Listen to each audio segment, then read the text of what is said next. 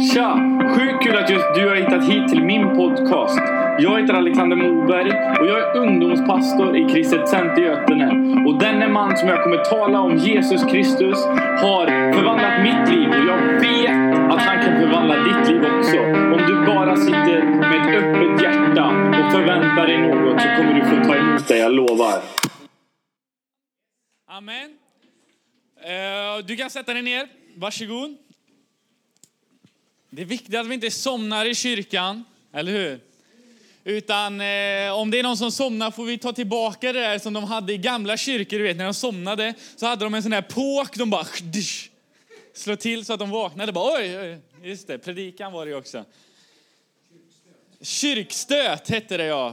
Eh, men jag tror inte vi ska behöva det, utan min röst kommer agera som en kyrkstöt idag så att du inte somnar. Låter det bra? Amen.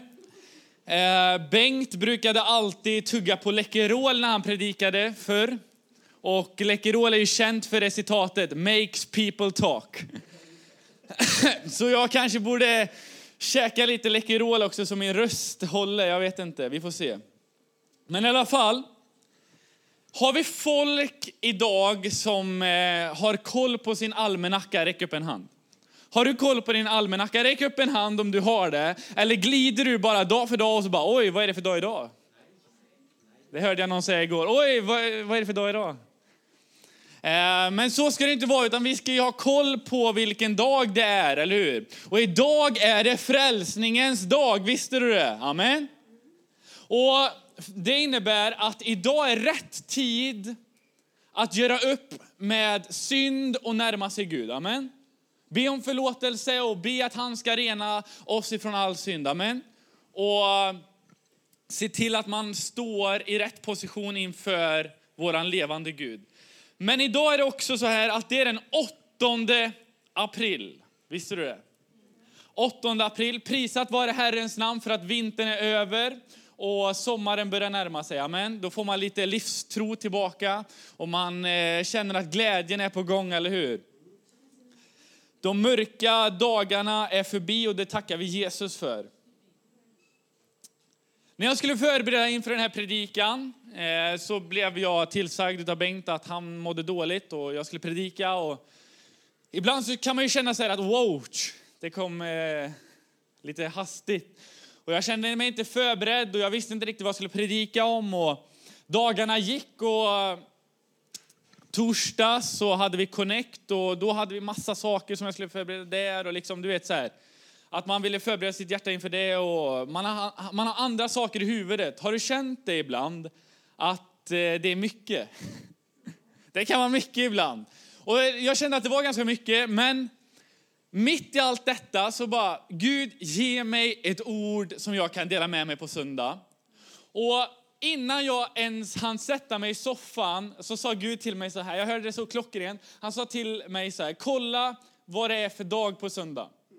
Jag kollade upp det och jag fick reda på att det var den 8 april. Och direkt, lyssna på mig nu, direkt visste jag att jag skulle predika om nummer åtta. Och det är exakt det jag ska göra de resterande 37 minuterna och 42 sekunderna. Så håll i hatten. Nummer åtta alltså. Eh, jag kan börja med att jag är född 1994, 08 18. Det är mitt födelsedatum. Och den där åttan i mitt födelsedata har varit väldigt betydelsefull för mig. Fungerar ni så också att ni liksom kopplar an siffror med vissa saker och liksom det blir personligt på ett sätt? Har ni gjort det någon gång? Kanske på något lösenord till datorn eller liknande. Jag har gjort det i alla fall. Och den där åttan är väldigt betydelsefull för mig. Och eh, när jag idrottade förr i tiden, det ser man ju inte nu då, men när jag gjorde det förr i tiden så hade jag nummer åtta på min rygg eller nummer 18. Bara för att jag tyckte det var otroligt cleant nummer. Jag älskade 8 och jag älskade 18. Jag tyckte det var så snyggt nummer. Och jag såg ner på sådana människor som sprang runt på fotbollsplanen eller spelade ishockey med nummer 15. Och så här, nummer 15, fulaste numret ever. Så sjukt intetsägande och opersonligt. Nummer 8 eller 18, det är snygga nummer. Och alla vet ju det att nummer betyder ju någonting. Det är liksom en personlighet. Till exempel en scorer i fotboll ska ju ha nummer 10 och så vidare. Så man, eh, man kan ju relatera till saker när man snackar om siffror, eller hur? Och nummer. Och det gjorde jag också. Och eh, anledningen var på grund av att jag älskade, bokstavligt talat älskade, en idrottsman som heter Alexander Ovechkin.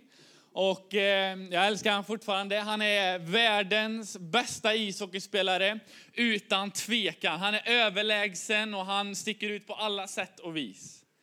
Det finns ingen som han. Och under den tiden jag spelade ishockey så briljerade han och han var verkligen i toppen av sin karriär. Och jag såg upp till honom och det gjorde att jag älskade nummer åtta ännu mer bara för att han hade det på sin tröja. Och eh, andra idrottsmän, stora idrottsmän som hade nummer åtta på ryggen. Det är eh, Kobe Bryant bland annat, han hade nummer åtta. Och Scottie Pippen. Och de två är basketspelare och jag ska agera som de gjorde när de spelade basket. Jag ska göra en slam dunk här idag. Jag ska se till att eh, predikan går in i ditt huvud så att du förstår vad jag menar, okej? Okay? Är du med på det? Är du redo på att ta, ta emot Guds ord idag? Alltså, jag ska predika om nummer åtta. Lite rolig fakta då om just nummer åtta. Åtta på latin heter octo. De flesta paraplyer har åtta sidor. Spindlar har åtta ben. En stoppskylt har åtta sidor. I kemi, är det någon som vet vad kemi är? I kemi så är nummer åtta, det står för syre. En liggande åtta är en symbol för evig och evighet. Och det finns åtta planeter i vårt solsystem. Okej. Okay. Där fick du lite så fun facts och lite så onödig fakta. Men i alla fall, åtta. Har alla förstått att det är det jag ska predika om? Och då säger du så här, varför ska du predika om nummer åtta? Guds nummer är ju sju. Jo, jag ska förklara för dig varför jag ska predika om nummer åtta. Vi kan ju relatera, som jag sa, till saker och ting med siffror. 777 är ju Guds nummer, eller hur? 666 is the number of the beast. Finns det en låt som går. Som är spelad av Iron Maiden. Jag ska inte spela upp den här idag, för jag tror inte att Gud skulle bli ärad om vi spelar upp den här. Men ni förstår vad jag är ute efter. Men i alla fall åtta då. Vad har Bibeln att säga om nummer åtta? Och nu kommer vi till min första punkt i predikan. Är det någon som vet vem Noa var i Gamla Testamentet? Räck upp en hand. Och oavsett om du vet eller inte, räck upp din hand nu. Kom igen, var lite aktiv. Upp med handen. Upp med handen. Upp med handen. Jag ska skjuta dig. Nej, jag ska... Upp med händerna i church. Alla vet vem Noa är. Du kan bara spela med att du vet vem det är om du inte vet vem det är. Men i alla fall, han var eh, en man som fick ett uppdrag av Gud. Och alla vet att han byggde en ark, eller hur? Och eh, nummer åtta kommer direkt in i hans historia, bara för att. Det var så här att Noa och hans fru, de hade tre barn. Okej? Okay. Alla säger tre. Tre, okej. Okay. Eh, tre barn och de tre barnen hade tre fruar. Vad är två plus tre plus tre? Vad är det? Åtta. Det var alltså åtta styckna som var samlade och eh, lydde Gud och klev in i den båten innan syndafallet trädde in och blev en verklighet. Och ett antal djur också. Men det var åtta människor som eh, klarade sig undan eh, syndafloden. Och varför var det just åtta? Varför var det inte mer? Jo, bara för att jag tror att redan där och då ville Gud signalera till mänskligheten att hej, det är så mycket synd i våran värld, vi måste göra någonting nytt. Och nummer åtta, det står för en ny början. Visste du det? Nummer åtta står för en ny början och det var exakt det som trädde plats när han klev in i båten och regnet började ösa ner. Det var någonting nytt som skulle komma. Det gamla var förbi och något nytt tog dess plats. Okej? Okay? Jag borde ha en sån där eh, ryggsäck du vet, som eh, cyklister har när de cyklar så maraton och så långa sträckor. Då har de så sugrör som går fram till munnen. Det hade varit smidigt. Jag dricker så mycket, jag blir så sjukt törstig. Är det okej okay, eller? Skål på dig, skål, skål på dig vännen. Eh, åtta betyder en ny början. Omskärelsen i gamla testamentet kan man läsa om och då undrar du vad, vad är omskärelse? Och det är så här att de judiska pojkarna fick enligt förbundet göra så att de på åttonde dagen skulle skära bort sin förhud bara för att bevisa att de tillhörde Gud. Okay? Och eh, det var ett förbund som de ingick och det skedde på den åttonde dagen. Abraham, han fick åtta söner. Och det finns en judisk högtid som heter chanukka. Kan alla säga det? Chanukka. Och den pågick under åtta dagar. Och där firar de att de fick eh, återinta templet och tempelfirandet. Så det var ett eh, firande utan dess like där de prisade Gud för att de fick tillbaka templet. Bara för att templet betydde väldigt mycket för judarna där och då. Bara för att templet var en plats där Guds härlighet kunde falla och man kunde komma in och möta den. Amen. Och vet du vad? Vi är Guds tempel och det innebär att hans härlighet finns i oss och finns den i oss, då kan den också flöda igenom oss. Amen.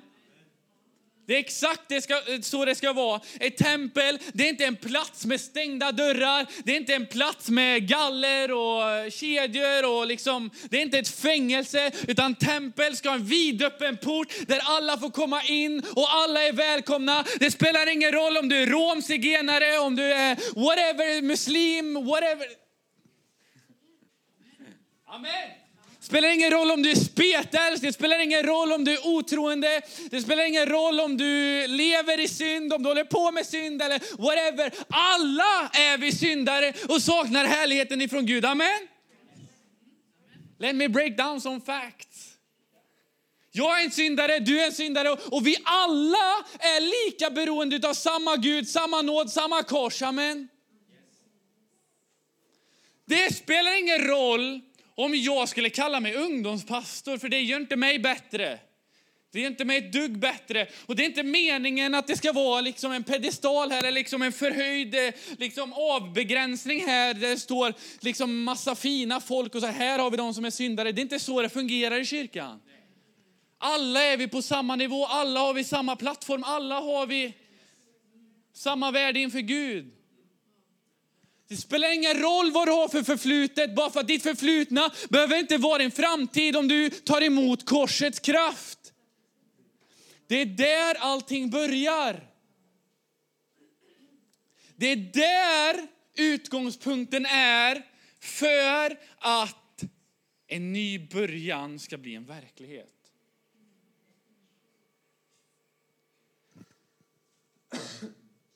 Nya testamentet hade åtta författare. Också en liten grej. Men nummer åtta då, det representerar en ny början. Kan alla säga en ny början? Nu ska jag gå in på lite teologiska djup här. Är det okej okay om jag gör det? Okej, okay? let's go. Jag ska försöka bryta ner det här så att du förstår det. Men det är otroligt häftigt och jag ska göra det väldigt enkelt. Och eh, Inom judendomen då finns det olika högtider som jag sa. Det finns tider och stunder och firanden och liknande. Och de har en egen kalender skulle man kunna säga och som, som snurrar på i sitt tempo. Och inom judendomet så finns det någonting som kallas Nisan. Och det är en speciell dag och eh, bara för att du ska hänga med på vad jag säger nu så den eh, Tionde Nisan, alltså ett speciellt datum, valdes Jesus ut som det perfekta offerlammet. Den tionde Nisan var det dagen som man kollade på Jesus, inspekterade honom för att liksom se om det fanns något fel, om det fanns någon synd. Men fann de någon? Nej. Jesus var korsfäst den 14 Nisan, fyra dagar efter. Och han var uppstånden den 17 Nisan, tre dagar efter, eller hur? Du är med på vad jag menar nu. Han var uppstånden den 17 Nisan. Och vad står nummer 17 för då? Jo, nummer 17 står för seger. Amen. Visste du det? Nummer 17 står för seger. Och det tackar vi Gud för att han vann en evig seger. Och det var åtta dagar efter att de inspekterade Jesus och han valdes ut som det perfekta offerlammet.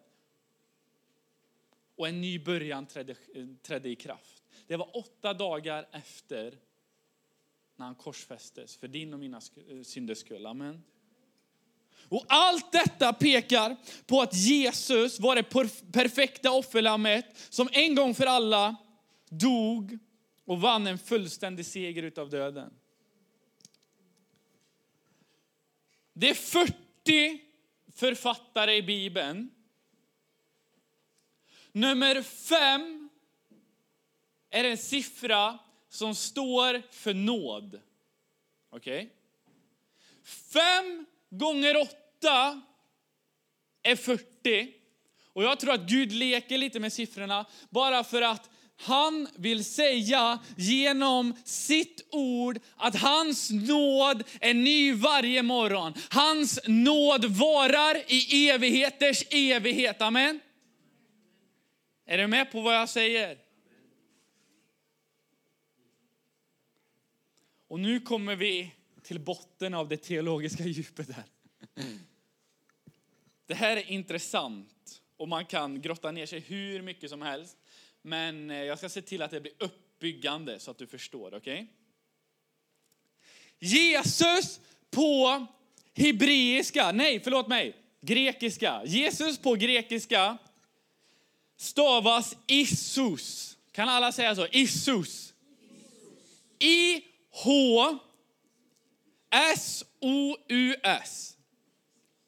Och I det grekiska alfabetet och systemet så står det för iota, eta, sigma, omrikon, upsilon och sigma.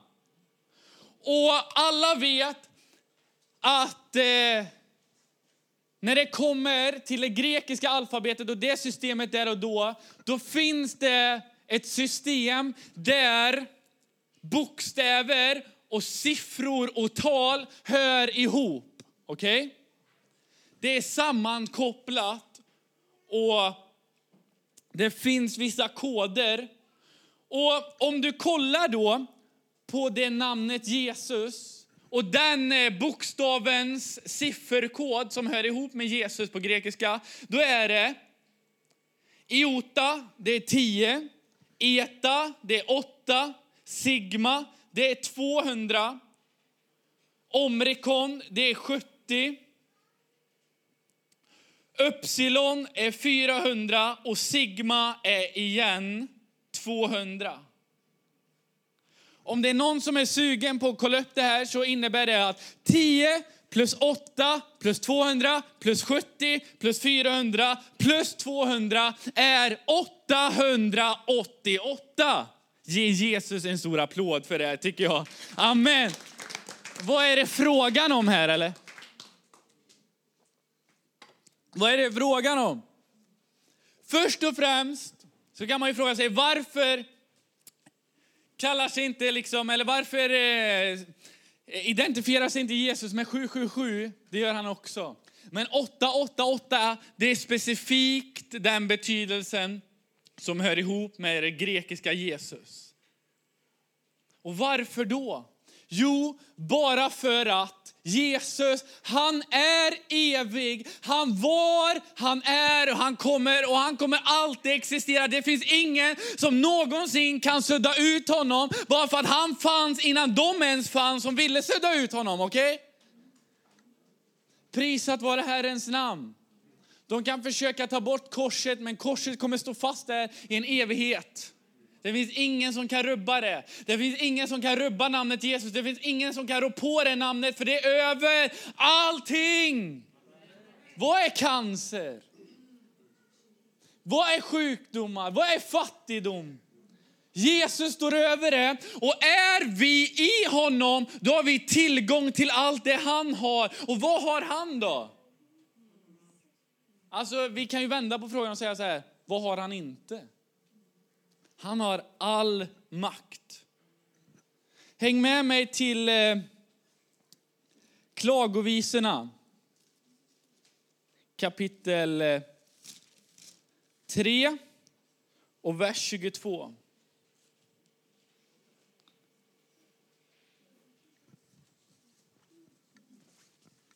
Ska jag tala lugnare eller hänger du med?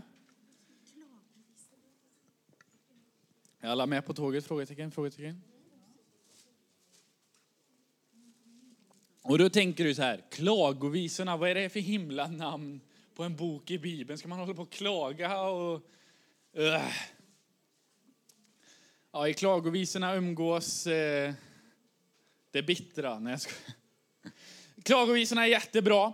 Och den här versen som jag kommer läsa nu, den är ännu bättre. Kapitel 3, vers 22. Då står det så här. Och det här tror jag att ni måste ta till er och jag måste ta till mig, okej? Okay? 22. Herrens nåd, alla säger nåd. Herrens nåd är att det inte, säg inte, är ute med oss. Ty det är inte slut med hans barmhärtighet. Den är var morgon ny. Ja, stor är din trofasthet. Herren är min del, det säger mig min själ. Därför står mitt hopp till honom. Amen. Där har vi en kraftfull vers som vi måste proklamera över våra liv och över den här församlingen och över det här området. Amen. Att det är inte ute med kristenheten i Sverige idag, utan idag har vi en chans like never before att predika like never before, okej? Okay? Okej? Okay?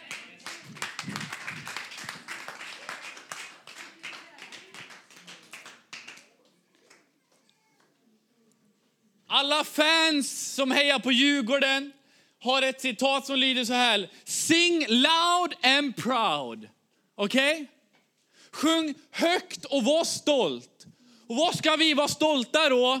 Över oss själva? Svar nej. Utav korset? Svar ja. Amen. Det är där vi har vår stolthet. Inte i oss själva, inte i vår egna förmåga, utan att Gud förmår att göra långt mer än vad vi ber eller till och med tänker.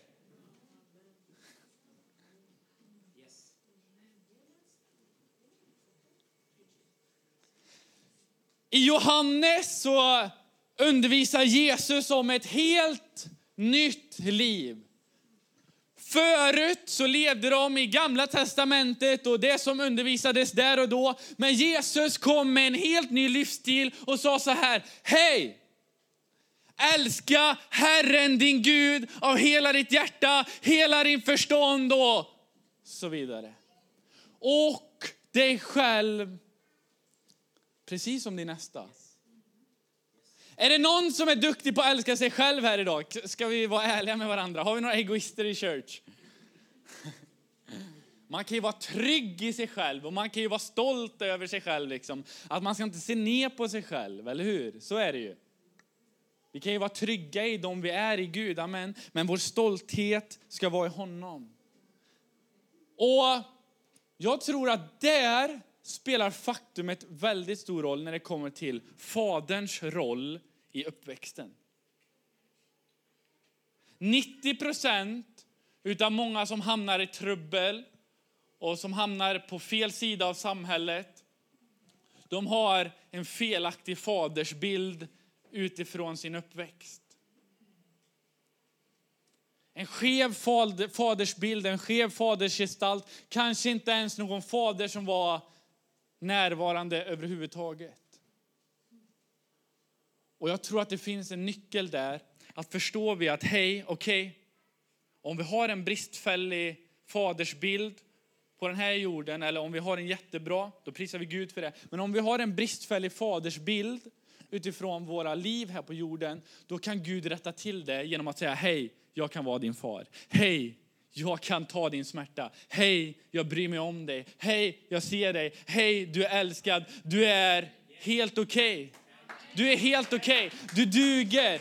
Du är älskad och du är välkommen. Jag inkluderar dig. Och faktum är så här att kan vi kolla på Bibeln och den undervisar, då säger den så här att eh, den förlorade sonen sprang ifrån Gud, höll på ute i världen med horor och med, med allt som världen kunde offra. Men vad kunde den offra? Ingenting. Men Jesus offrades en gång för alla och han var det perfekta offret. Och säger vi så här, hej Gud, jag vill ha med dig att göra. Hej Gud, jag vänder mig till dig. Då kommer kommer han springandes tillbaka emot dig för att ta emot dig med öppna famnar.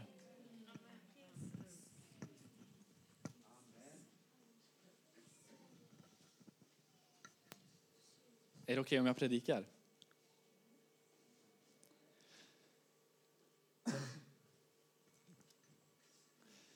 Andra Korintierbrevet kapitel 5 och 17 så står det så här, om du vill får du slå upp det. Men där står det om en väldigt kraftfull grej.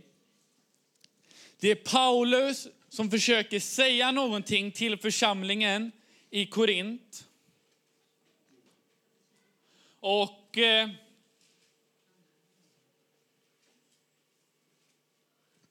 hade det varit eh, på modern tid så hade han sagt det här med en megafon i handen. Helst två centimeter ifrån folks öron så de fattade. Skramla till sig. Det är gött. Men det här är viktigt att man förstår. Och jag tror att det är viktigt att vi förstår. Lyssna på mig nu. För förstår vi inte det här, då kommer vi aldrig någonsin kunna röra oss framåt. Okej? Okay? Han säger så här att det gamla är förbi. Prisat var Herrens namn för att det gamla är förbi. Och han säger så här, se något nytt har kommit. Och då har jag strykt under det ordet se. Kan alla göra så här nu? Se! Gör så här nu. Timon och Pumba skulle vakta, liksom, ett, eller se på ett stjärnfall, bara för att då får man önska sig någonting. Är det någon som har sett Timon och Pumba?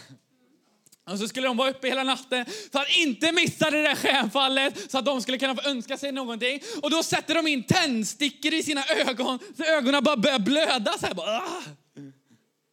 Jag tror vi kristna måste göra det också ibland. Sätta in tändstickor i våra ögon så vi har dem öppna. Så vi också därmed ser något nytt har kommit. Jag tror många kristna lever så här. Trötta, sega, snosar, inte på alerten. Biggie Small sa så här. Another day, another struggle. Ja, det är bara en dag till och en plåga till. Var dag har noga sin plåga. Oroa sig inte för morgondagen. Alla vet ju det där. Fy vad deppigt bibelord. Var dag har noga sin plåga. Ja, det låter ju positivt att vara kristen då. Herrens namn var det prisat. Prisat var Herrens namn säger man ju. Inte Herrens namn och så vidare. Bla bla bla. Men jag tror att det finns en nyckel där. Se, något nytt har kommit. Jesus gick runt på jorden precis som du och jag. Det var en man som klättrade upp i ett träd. Det var inte en homo sapien, det var inte en apa alltså. Det var en man. Okej. Okay. Vi kommer inte från aporna för den sakens skull heller, utan vi är skapade av Gud, ingenting annat. Men eh, män kan ju klättra, vi kan ju klättra, eller hur? Så eh, en man klättrade upp i ett träd. Jesus går runt på jorden. Han ser den där mannen. När du går ut på gator och torg, ser du människor då? Ser du människor då? Man kan möta en människa. Då gör man så här. Hopp. Ingenting hände. Men sen kan man också se en människa. Ser du människor? Ser du människor? Gud ser dig och han ser din granne. Men ser du människor? Häromdagen så gick jag hem och eh, precis innan jag skulle svänga upp till min trappuppgång där så mötte jag en man och han kom så här mot mig. Så här. Stöpplig och stor och sjaskig. En sån människa många skulle bara, nej. Och så bara tänkte jag så här, kom jag gåendes och så gjorde jag så här att äh, jag tajmade in mina steg, jag så här, saktade in lite så här. Så gick jag inte, för då hade han trott att jag var dum i huvudet. Men alltså du fattar, jag saktade in mina steg så att vi tajmades i mötet. Och så bara, hej, hur mår du?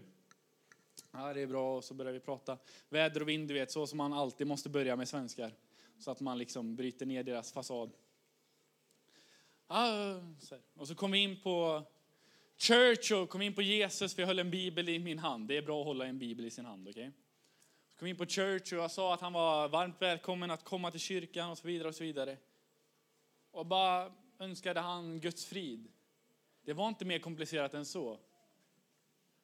Men jag tror att Gud verkar genom enkla, enkla, enkla, enkla möten som det.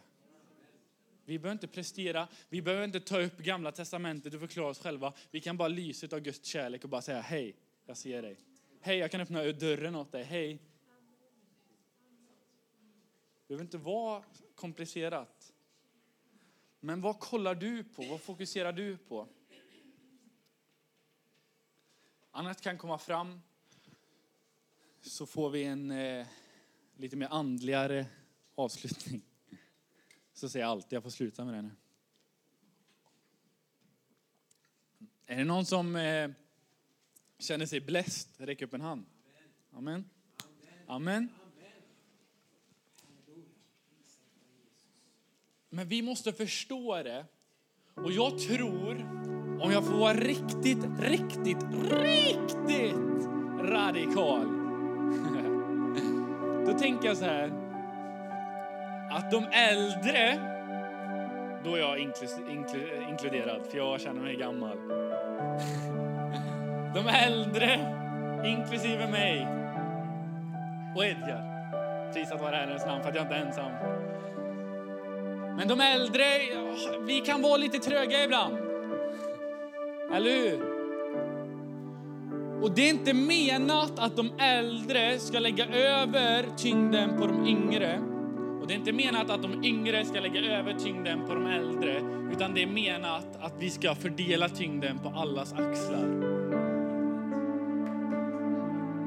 Om du är ärlig, jag kan inte kolla på ditt liv och döma dig, jag kan bara kolla på mitt liv. Men är du ärlig emot dig själv just precis nu, fundera bara över hur många har du berättat om Jesus för den gångna veckan? Har du bjudit med någon till church? Har du skrivit ett sms och sagt till någon så här, hej, jag tänker på dig, jag ber för dig. Och verkligen bett för den personen också. Inte bara sagt det, inte bara varit plastig, utan varit äkta, varit genuin och tagit dig tid för människor. Jag tror att vi måste bli äldre, eller jag tror att vi måste bli äldre. Vi kommer bli äldre anyway.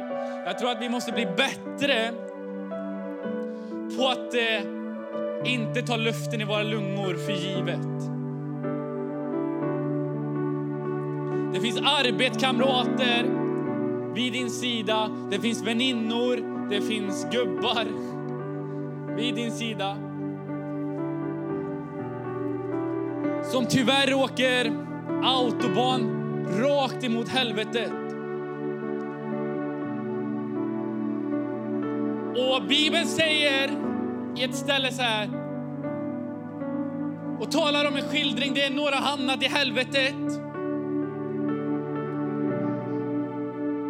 Och jag har hört massa vittnesbörder om det också.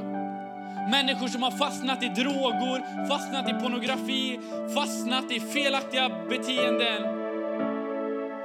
Och känt att det var ute, känt att det var för sent. Och sagt så här, hej! Varför sa ingen det här till mig tidigare, att det fanns ett hopp och hans namn är Jesus. Varför berättade inte någon till mig att Bibeln är på riktigt? Det som står här kan jag applicera in i mitt liv och också dra styrka ifrån. Varför har ingen sagt att Jesus är med mig alla dagar? Varför? Jag kände mig ensam, jag kände mig sviken, jag kände mig... står om ett sånt bibelord också. Där några har hamnat i helvetet och de som har hamnat i helvetet säger till så här, Ej, ni på andra sidan, gör allt i era makt för att ingen ska hamna här där vi har hamnat.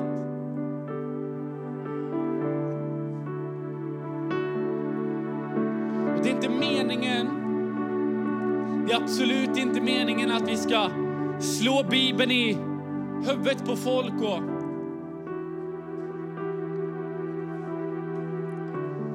Att vi ska agera med våld och liknande, tvång och då blir det religiöst, då blir det påtvingat, då blir det påklistrat, då blir det fake.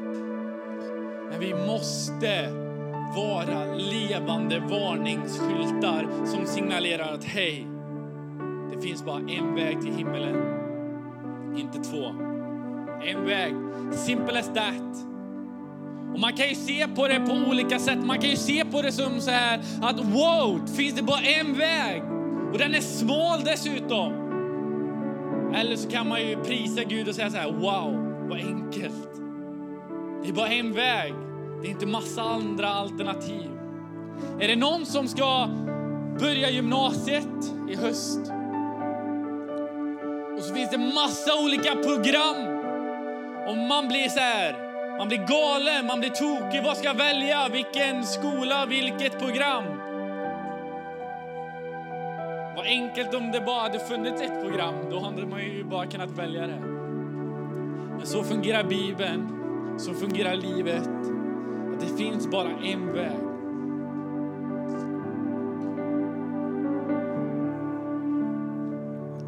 Sätt saker och ting i perspektiv. Betala priset och se hur visionen kan bli en verklighet. För i slutet handlar det om att vi ska få med oss människor till himmelen. Och kosta vad det kosta vill, för en människa är ovärderlig. Och Noa, precis som vi talade om i början, vi ska gå in i det bibelordet, sen ska jag sluta. Noa, precis som vi talade om i början, han byggde en stor ark som var enorm. Alla vet så här, NASA, vet alla vad NASA är? Ett rymdraket.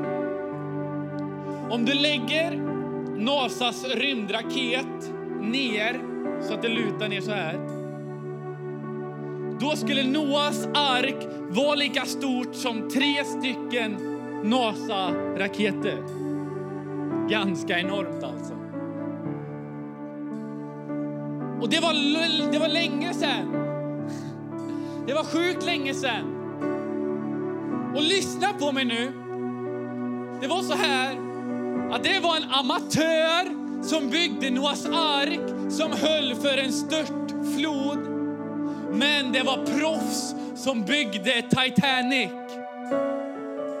Det var proffs, det var yrkesmän som visste vad de gjorde, som byggde Titanic. Vad hände?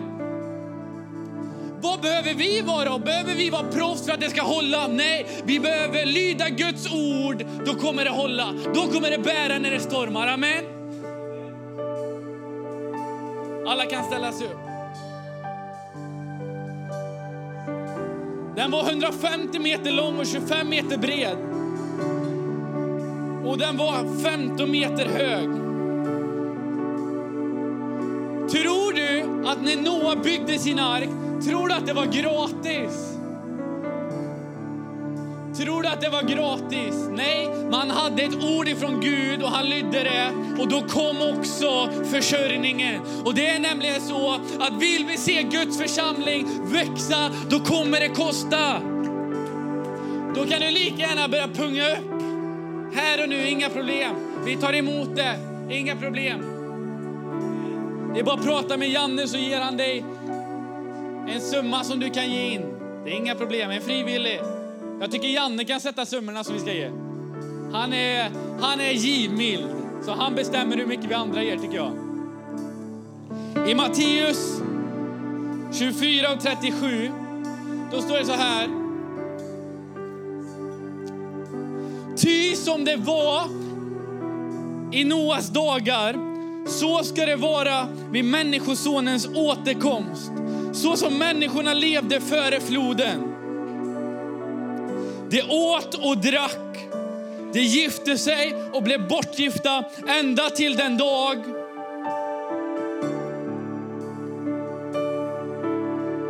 Ända till den dag då Noa gick in i arken. Och det visste ingenting. Förrän floden kom och ryckte bort dem alla. Så ska Människosonens återkomst vara. Visste du det? Att Jesus kommer tillbaka för att hämta de som tror på hans namn. Är du en av dem som tror på hans namn?